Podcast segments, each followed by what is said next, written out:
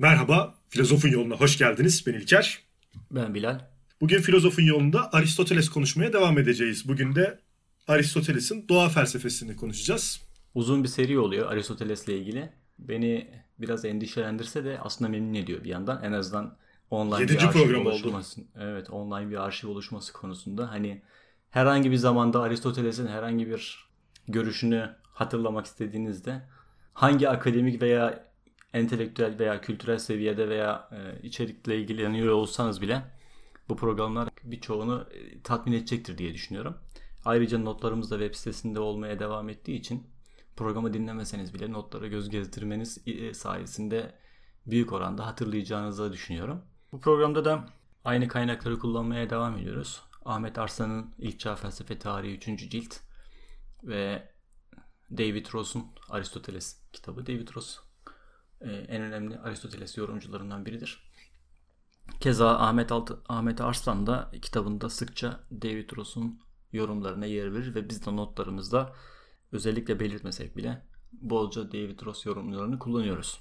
Konumuza gelelim. Aristoteles'in doğa felsefesi yani doğa bilimi.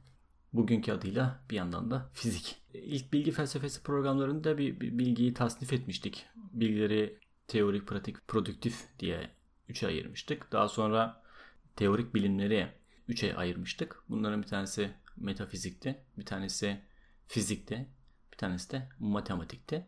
Metafizik konuştuk. Yine metafizikle ilgili olarak onun tanrı görüşüyle ilgili bir program daha yapacağız. O da metafiziğin içerisinde esas yani teolojiyi kapsayan yer. Bugün de fiziği konuşacağız. Bu programdan sonra da teolojiyi konuşacağız. Metafiziği ve fiziği iyice kapsamış olacağız diye düşünüyorum. Ee, konumuza gelirsek yani doğa felsefesine gelirsek yani fiziğe, fiziğin temel konusunun doğa olduğunu görüyoruz Aristoteles'te. Peki doğa diye bir şey var mı Aristoteles'e? Ya evet şimdi e, bu haklı bir soru. Doğa diye bir şey var mı sorusu en azından bu programı ilk defa dinleyen bir birisi için yabancı gelebilir ama felsefede özellikle e, felsefi içerikli sorular sorarken neyden bahsettiğimizi de çoğu zaman bilmemiz gerekiyor. Kavramlar üzerinde önce mutabık olmalıyız ki kavramlara ilişkin sorularımız anlamlı olsun veya cevap sorunun niyetine ilişkin doğru cevabı versin. Aristoteles'te doğa var mı? Aristoteles'te doğa var. Ona göre doğa oluş ve değişimin doğal bir şekilde kendiliğinden olduğu ortam ve bu ortam içerisindeki varlıklar da doğal varlıklar olarak karşımıza çıkıyor. Doğa bu hareket ve değişim içinde olan varlıkların hareketlerinin nedeni ve ilkesi olan şey Aristoteles'in tanımına göre. Yani doğa dediğimiz şey doğal varlıkların nasıl bir değişim içerisinde, nasıl bir dönüşüm içerisinde olduklarını, onların mekanizmalarını belirleyen şeydir. Ana ilkesidir, kuralıdır, prensibidir. Peki bu hareket, oluş ve değişim ilkesi onların yani doğanın içinde midir yoksa dışında mı? Doğal varlıkların. Doğada çok farklı sayıda ve çeşitli varlıklar var. Hani doğal varlıklar var. Ve bunların da hepsinin kendine özgü çeşitli hareketleri, değişim mekanizmaları söz konusu. Aristoteles doğal varlıklardaki değişimin doğal varlıklara içkin olduğunu söylüyor. Yani ne bu değişimler? Mesela elimizde bir cismi yere bıraktığımız zaman örneğin bir taş, taş yere düşecektir. Bu bir harekettir, doğal bir harekettir. Aristoteles'e göre taşın yere düşmesi taşın bir özelliğidir. Ona içkindir bu özellik. Başka... Peki bu iç, özür dilerim sözünü böldüm bir, bir kavramak için biraz daha. Hı. Buradaki içkinlik, hareket ilke, e, ilkelerinin doğadaki va, varlıklara içkinliği Aristoteles'in formlar dünyasındaki e, o formların insana veyahut da oluşturduk, oluşturduğu varlıklara içkin olmasıyla paralellik gösteriyor mu?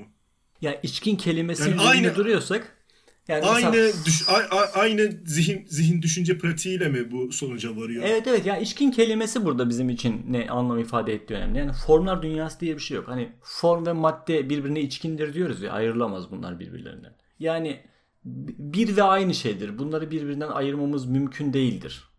Biri olmadığı zaman diğeri de olmuyor. Biz bunları zihinsel olarak ayırabiliyoruz. Bu hareket de aynı şekilde. Yani taşın içerisindeki bu hareketi biz ayırdığımız zaman o doğal hareketini taşın içinden çıkardığımız zaman taş diye bir şeyden de artık bahsetmemiz mümkün olmuyor. İçkinlik bu, bunu ifade ediyor. Felsefe terimli, terimi olarak çokça kullanıyoruz. Dışarıda pek karşımıza çıkan bir şey değil. Ee, bir şeyler ifade ben de- ediyor. Hı hı. Yani bir şeyler ifade ediyor duyunca ama anlamı kavramak biraz zaman alabiliyor. Yani üzerinde durmamız gerekiyor bazen. Dinleyicilerimize tavsiyemizdir. Özellikle Aristoteles'e giriş yaptıktan sonra sürekli kullandığımız iki kelimeden biri. Biri içkin, diğeri de kuvve. Sözlükten anlamlarına bakabilirsiniz. yani hani e, ilk şimdi maalesef şöyle bir sıkıntı var bu programlarda. Yani e, felsefe ilgisi olan dinleyicinin yaşayacağı bir sıkıntı. Programımızı pür dikkat dinlemedikleri zaman ya ben bu içkin kelimesinden ilk defa bahsettiğim zaman yeterince açıklama yapmaya çalışıyorum. Eğer gözümden kaçırmıyorsam ya da kuvveden ya da maddeden ilk bahsettiğim zaman bu açıklamaları yapmak için elimden geliyor. Elimden geleni yapıyorum ama sürekli aynı açıklamayı her bahsedişte yapmak pek mümkün olmuyor. O yüzden biraz dikkatli dinlemek gerekiyor. Sonra hani hafızanın yerlerine yerlerine daha günlük hayata dilinden günlük dilden kelimeler de kullanabilirdik ama e, felsefe terminolojisine de sadık kalmamız gerekiyor aynı zamanda. Çünkü o günlük kelimeler e, o Karşılamıyor, anlamı da ihtiyacını karşılamıyor, karşı- karşılamayabiliyor evet. Yani karşılamıyor kuvvenin yerine düşünce de diyebilirdik mesela. Oluyor mu? Olmuyor Potansiyel. mesela. Potansiyel. Hı. Neyse dönelim. Ne diyorduk? Ee, varlıklardaki bu hareket, hareketin ilkesi yani bu doğal ilke, bu yetenekler onlara içkindir diyoruz. Ya da ne bileyim mesela ateşin doğal hareketi de gökyüzüne doğru çıkmaktır. Yukarı doğru çıkmaktır. Şimdi ee, doğanın içinde bulunduğu doğal varlıkta onun doğal hareketinin ve değişmesinin nedeni olan bu içsel ilke olması özelliği onu sanattan ayırmamızın başlıca ölçütünü oluşturuyor. Bir sanat eserinin temel ilkesi onu meydana getiren sanatçı iken doğanın temel ilkesi de yani doğal varlıkların temel ilkesi de doğanın kendisi oluyor haliyle. Yani doğanın bir ürünü nihayetinde o şeyler, doğal varlıklar. Haliyle bu doğanın parçası olan, doğanın bir ürünü olan bu varlıkların nasıl işlediği, mekanizmalarının ne olduğunu araştırmak istediğimiz zaman doğaya bakıyoruz. Tıpkı bir makinenin nasıl işlediğini anlamak için onu tasarlayan mühendise bakmamız gerektiği gibi yani. O zaman şöyle diyebilir miyiz doğa için? Nasıl diyelim? İlkesi kendine içkin olan sanat eseri. O yerinde bir düşünce. Aristoteles de zaten doğayı kendi kendini tedavi eden bir hekim analojisi kullanır. Hekim nasıl tedavi et, insanları nasıl tedavi etmesi gerektiğini bilir. İnsanları veya hayvanları. E, haliyle kendisi bir sanatçıdır. Yaptığı bilimin ilkesini kendisi belirler.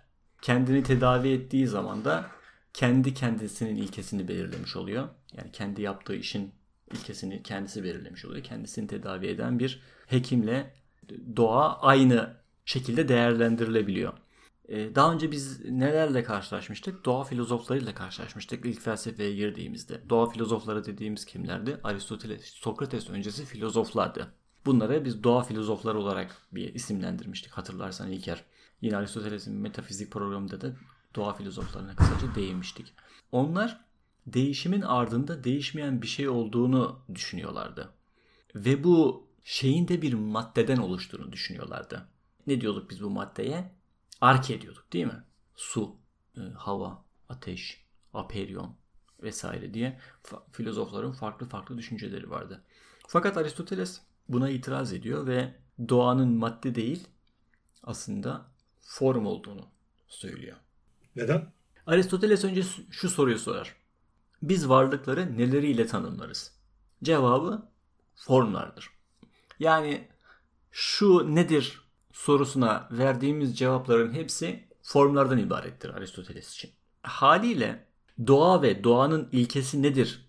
Doğa ve doğanın arkasındaki işleyen mekanizmaya ilişkin soracağımız sorular da bizim maddeye değil forma götürmüş olması gerekiyor Aristoteles. Yani burada yine metafiziksel olarak inceliyor ve biz maddeye ilişkin bilgimiz neydi? Maddeyi bilmiyorduk değil mi? Ve madde formsuz aslında bir şey ifade etmiyordu. Ve biz bir şeye ne, bu nedir diye sorduğumuz zaman verdiğimiz cevaplar hep formlar ve fiiller olduğu için doğa ve doğaya ilişkin doğadaki değişime ilişkin soracağımız sorular da doğa filozoflarının aksine madde değil formla cevaplanmalıdır. Yine biz formların değişmez şeyler olduğunu söylüyorduk.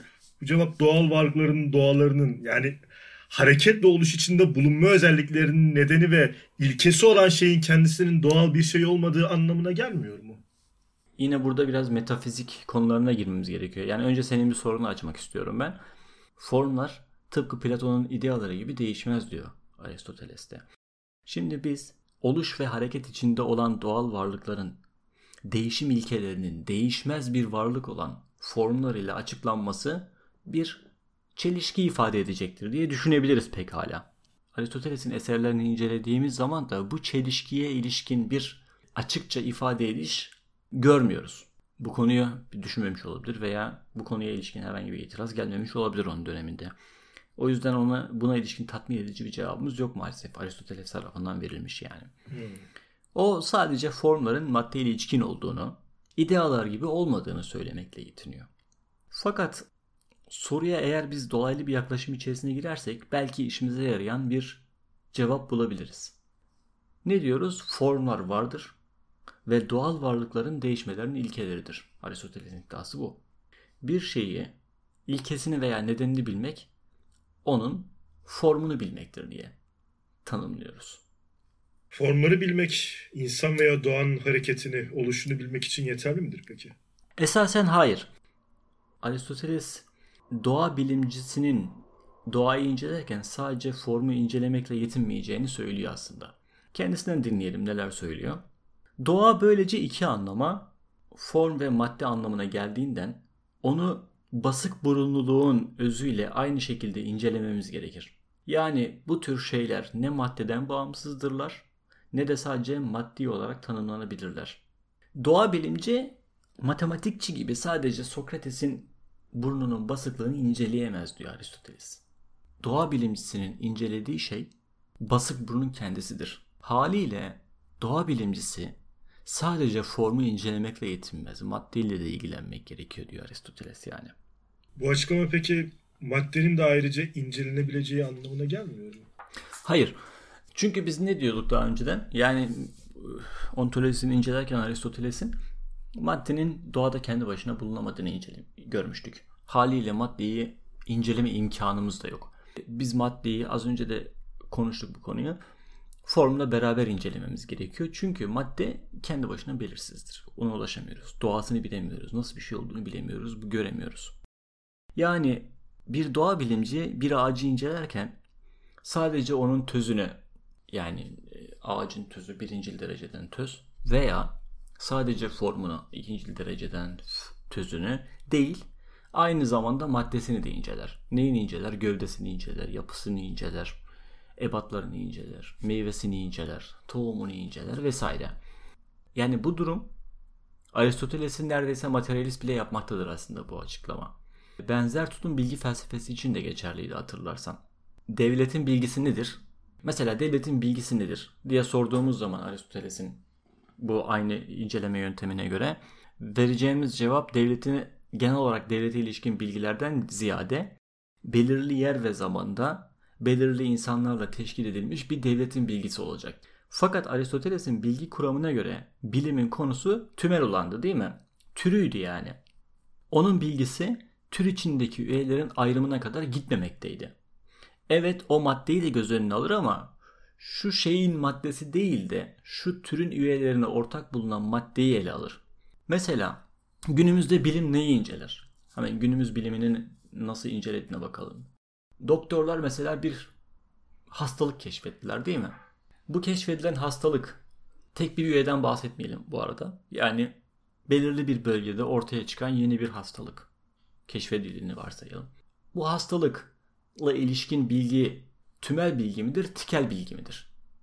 Tümel bilgi değil mi? Genel bir bilgidir yani.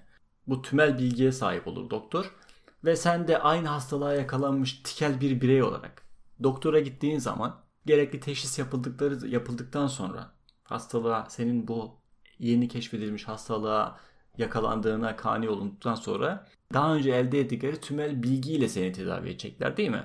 Yani günümüzde de aslında bilim tümel bilgiye dayalıdır.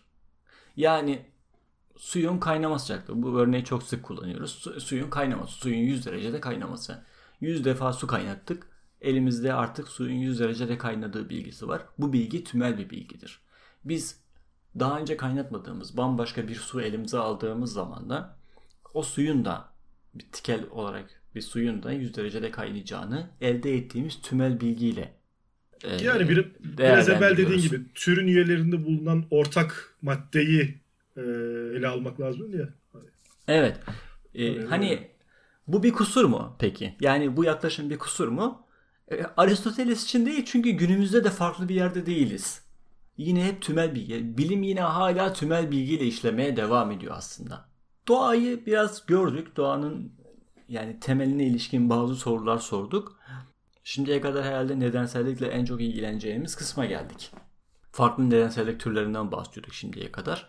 Doğa filozofları farklı bir yaklaşım içerisindeydi. Onlar bizim anladığımız anlamda determinist bir felsefeyle ilgileniyorlardı.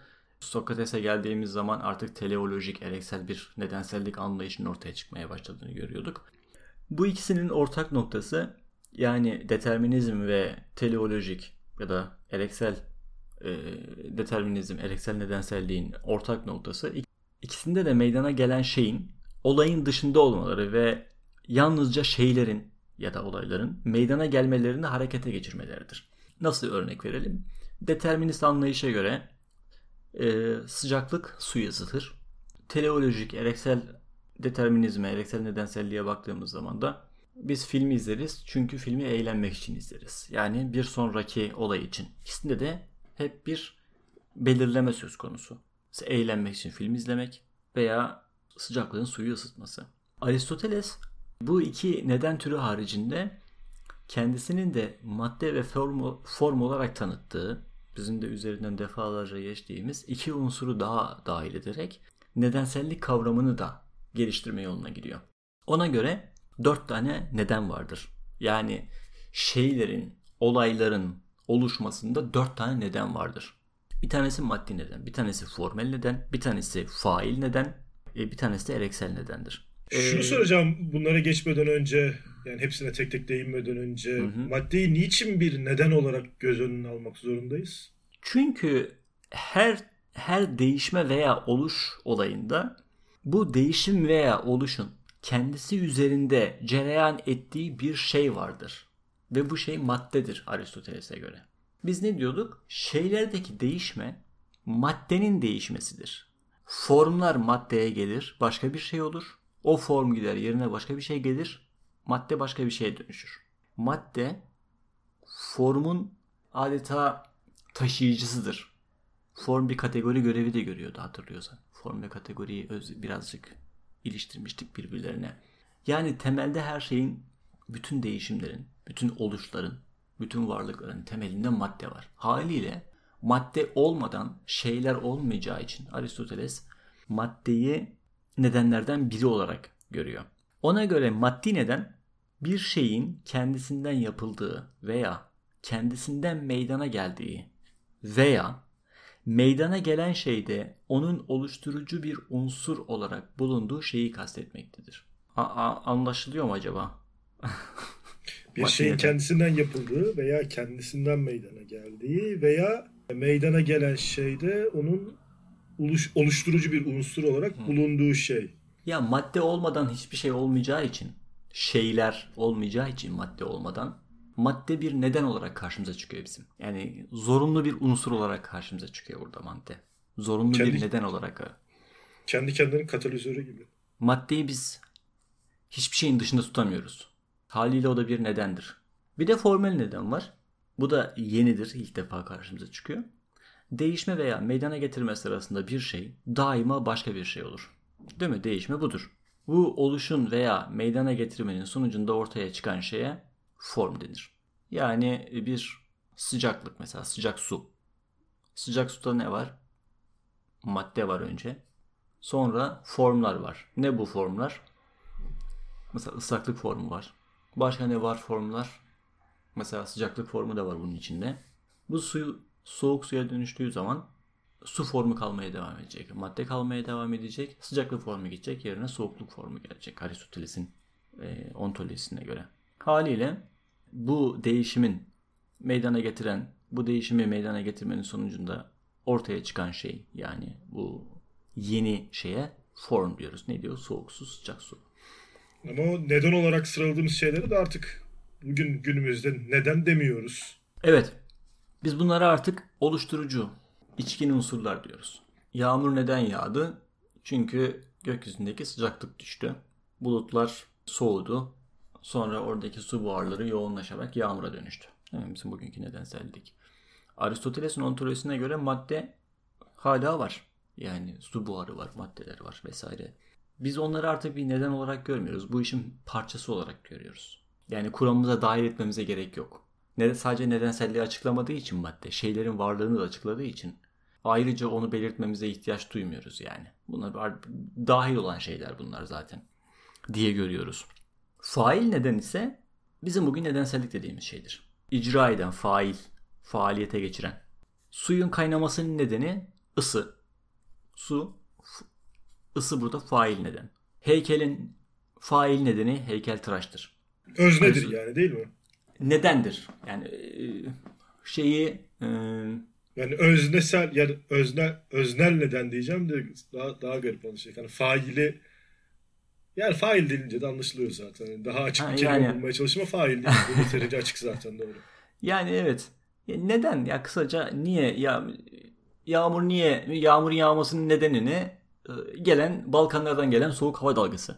Fail nedeni yani. Aristoteles şöyle bir örnek verir. İyi bir eylemin nedeni onu öğütleyendir. Çocuğun nedeni babadır. Baba olmasa çocuk olmayacak. Tabi anne de anne olmasa da çocuk olmayacak. Kendi kendine ortaya çıkmayacak. Nedenleri onlardır. Birisi iyi bir öğüt verdiği için iyi bir fiil ortaya çıkmıştır. Bir heykelin nedeni sanatçıdır. Peki bir meşe palamudunun meşe ağacı olmasının nedeni ne olabilir? Burada işte karşımıza ereksel neden çıkıyor. Bir meşe ağacı olma ereki mi gerekiyor? Evet. için.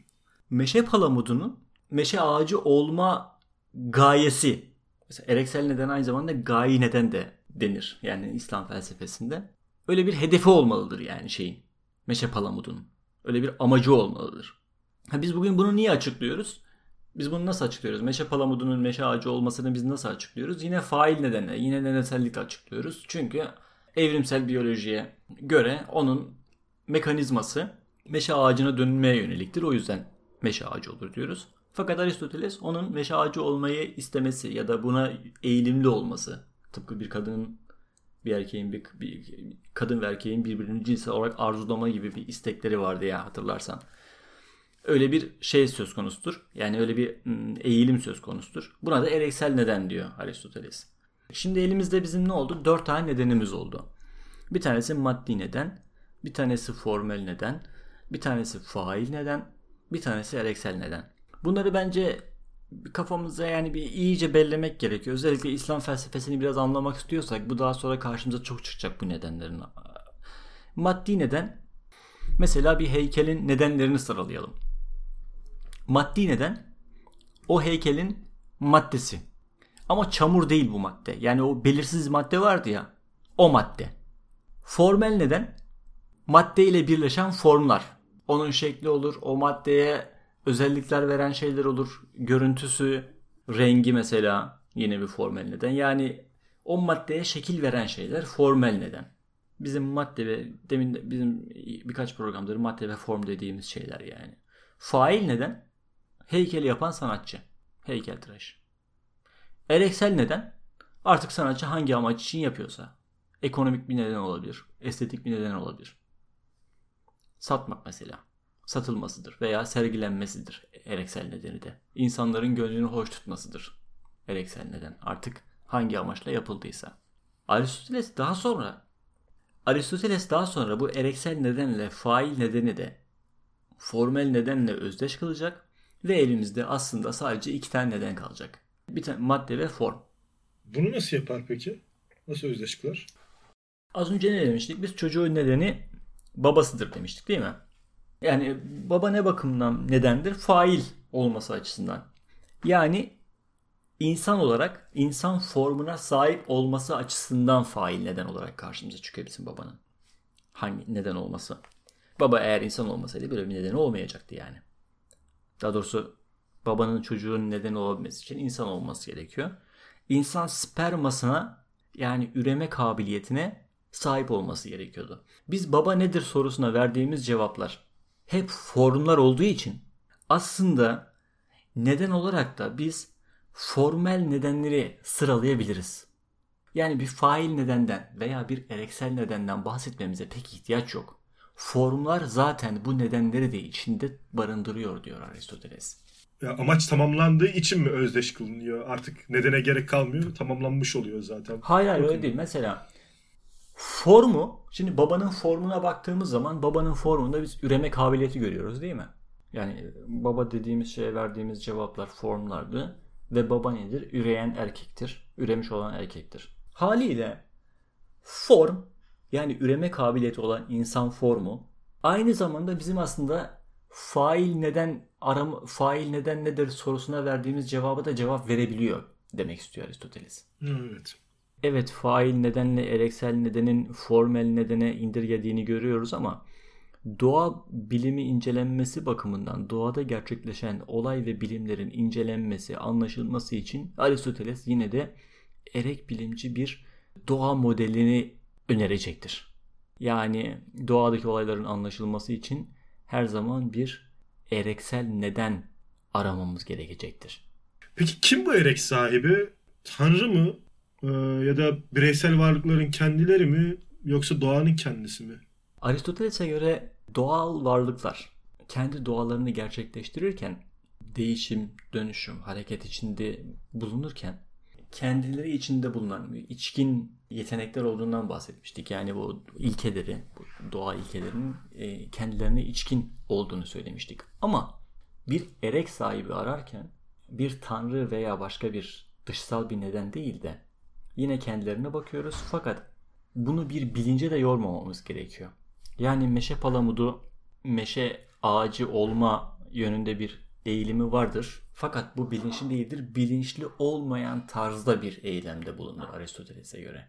Yalnız bilinçsiz, bilinçsiz bir erek bilim kuramı biraz çelişik ve tatmin edici olmaktan uzak gibi aynı zamanda. Evet, başta duyunca böyle. Fakat Aristoteles'in kuramında bunun e, böyle tasarlandığını görüyoruz. Günümüze bakalım. Acaba değişmiş mi bir şeyler? Yani bilinçsiz bir doğa anlayışında bir değiş bir yöne doğru hareket eden, bilinçsiz bir doğa anlayışında günümüze doğru daha doğrusu farklı gelişimler söz konusu mudur? Mesela 19.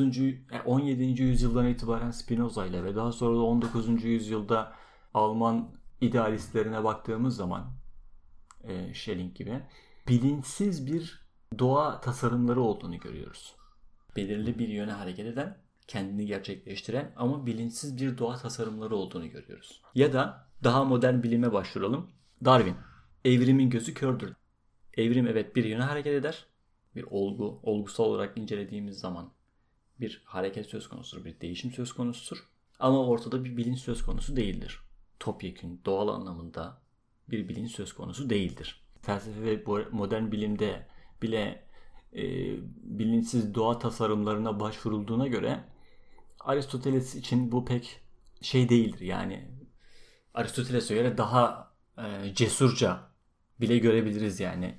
Daha nispeten günümüze daha yakın olan tasarımları. Aristoteles de benzer şekilde düşünüyor. Doğada evet bir erek vardır ama ortada bir bilinç söz konusu değildir. Kendi doğalarının eseridir bu. Böylece onun doğa bilimini de görmüş olduk.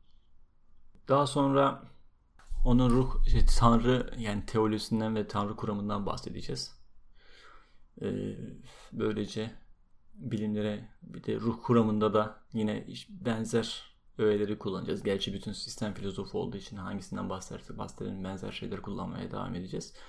Yani ruh kuramı en azından Tanrı teorisiyle beraber metafiziği içine kapsayan her şeyi bitirmiş olacağız diyeceğiz.